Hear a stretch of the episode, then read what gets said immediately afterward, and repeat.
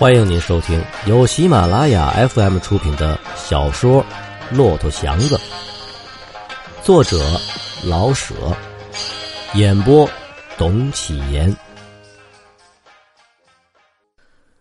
祥子并不是不知道这个，不过干苦工的人们，包括拉车的人，虽然不会欢迎战争，可是碰到了他，也不一定就准倒霉。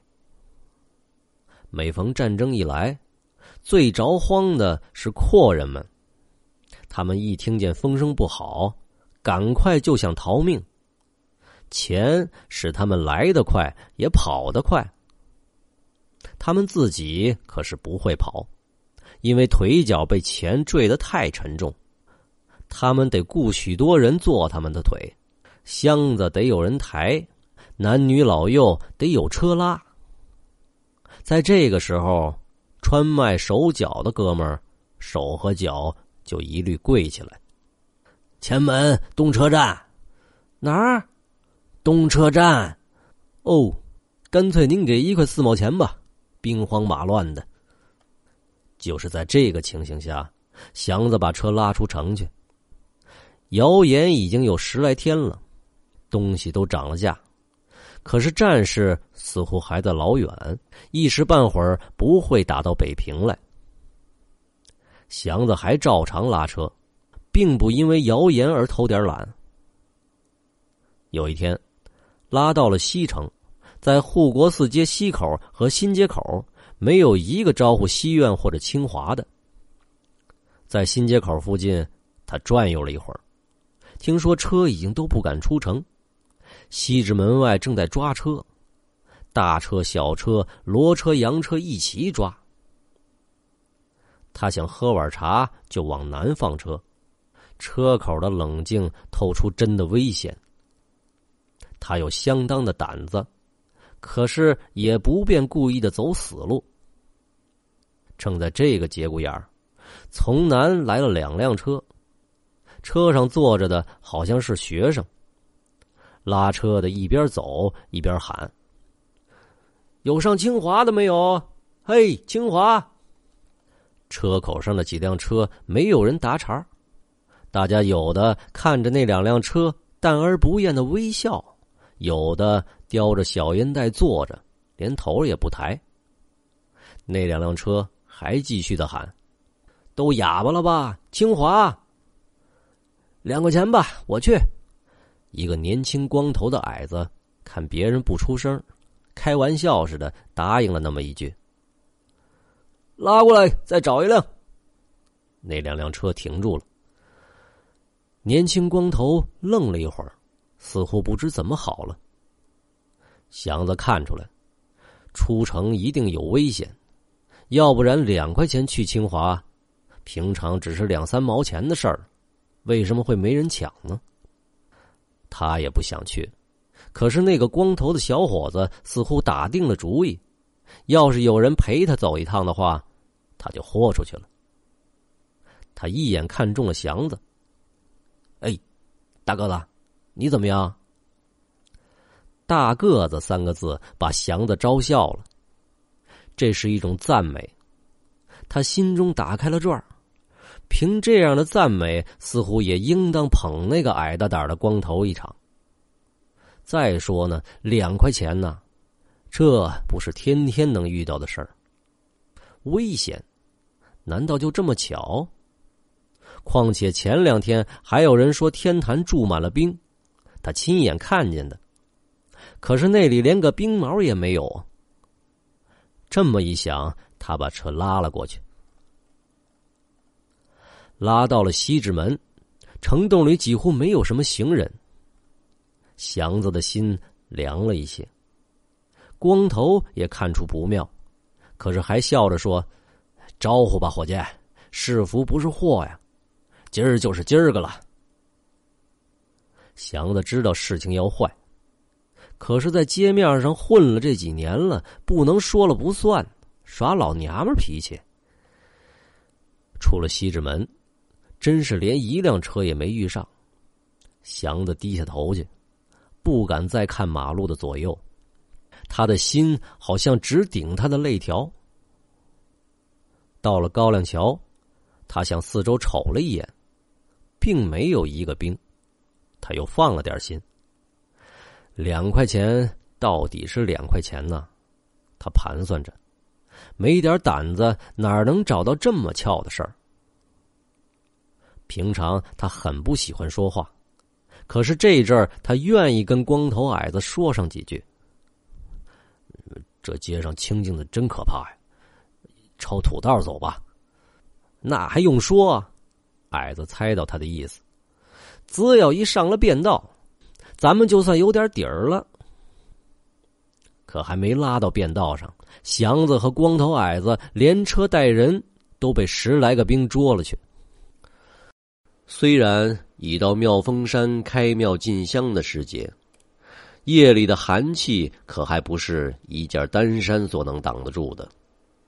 祥子的身上没有任何累赘，除了一件灰色单军服上身和一条蓝布军裤，都被汗沤得奇臭。自从还没到他身上的时候，就已经如此了。由这身破军衣，他想起自己原来穿的白布小褂与那套阴丹士林蓝的夹裤褂那是多么干净体面。是的。世界上还有许多比阴丹士林兰更体面的东西，可是祥子知道自己混到那么干净利落，已经是怎样的不容易。闻着现在身上的汗臭味他把以前的挣扎与成功看得分外光荣，比原来的光荣放大了十倍。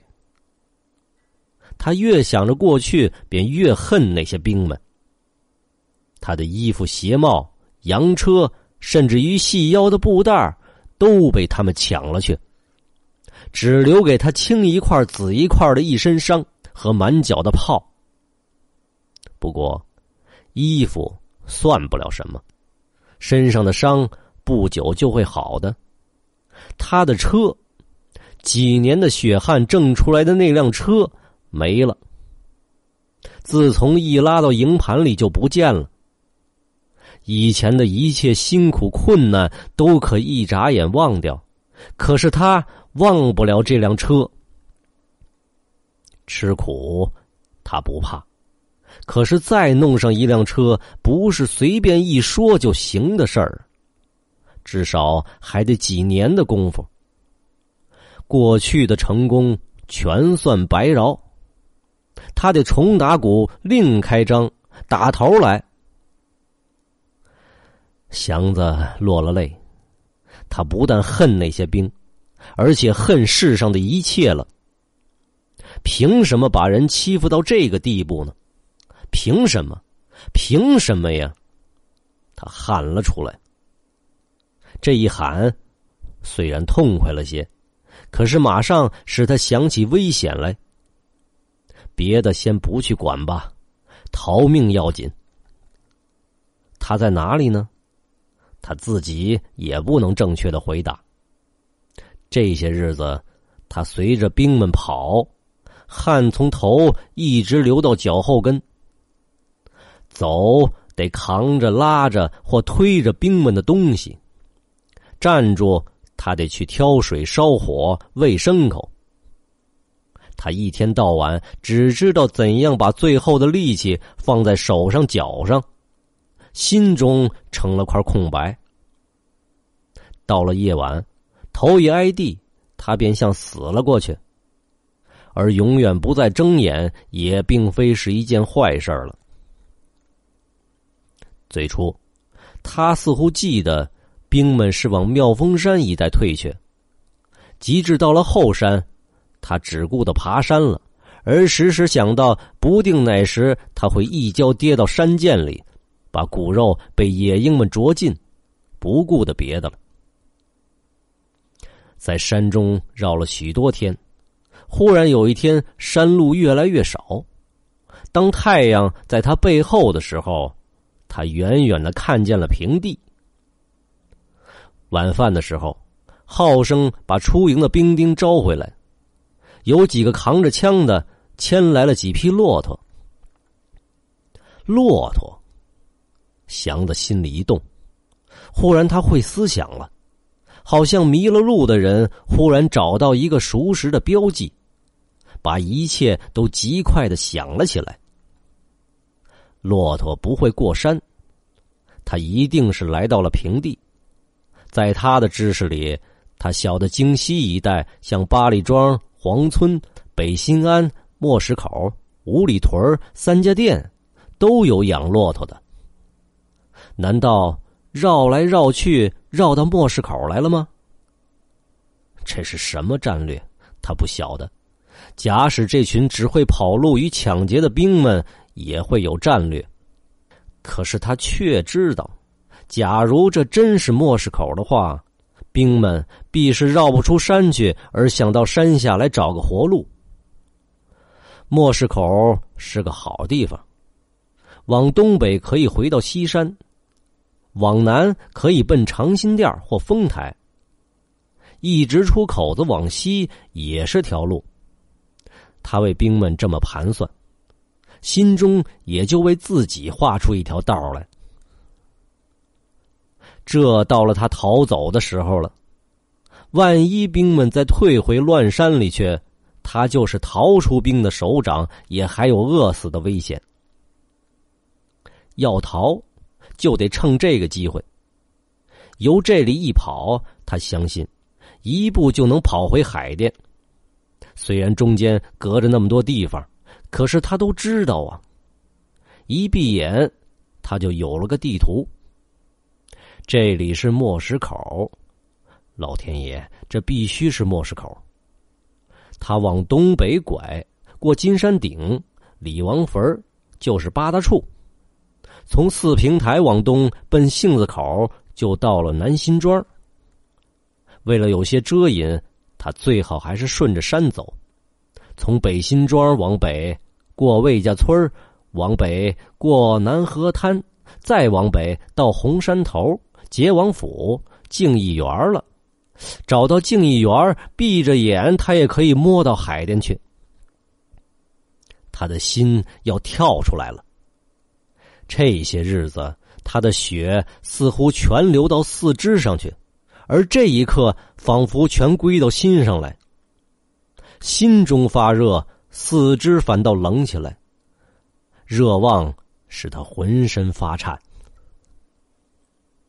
一直到半夜，他还是合不上眼。希望使他快活，恐惧使他惊慌。他想睡，但睡不着。四肢像散了似的，在干草上放着，什么响动也没有，只有天上的星伴着自己的心跳。骆驼忽然哀叫了两声，离他不远。他喜欢这个声音，像夜间忽然听到鸡鸣那样使人悲哀，又觉得有些安慰。远处有了炮声，很远。但清清楚楚的是炮声，他不敢动，可是马上营里乱了起来。他闭住气，机会到了，他准知道兵们又得退却，而且一定是往山中去。这些日子的经验使他知道，这些兵的打仗方法和困在屋中的蜜蜂一样，只会到处乱撞。有了炮声。兵们一定得跑，那么他自己也该精神点了。他慢慢的闭着气，在地上爬，目的是在找那几匹骆驼。他明知道骆驼不会帮助他什么，但他和他们既同是俘虏，好像必须有些同情。军营里更乱了，他找到了骆驼。几块土岗似的在黑暗中趴伏着，除了粗大的呼吸，一点动静也没有，似乎天下都很太平。这叫他壮起胆子来。他伏在骆驼旁边，像兵丁藏在纱布口袋后面那样。极快的，他想出个道理来：炮声是由南边来的，即使不是真心作战，至少也是个此路不通的警告。那么这些兵还得逃回山中去。真是要上山，他们不能带着骆驼。这样，骆驼的命运也就是他的命运。他们要是不放弃这几个牲口呢，他也跟着完蛋。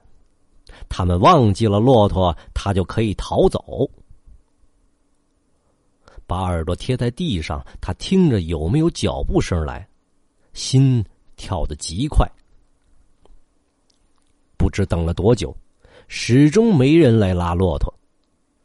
他大着胆子坐起来，从骆驼的双峰间望出去，什么也看不见，寺外极黑。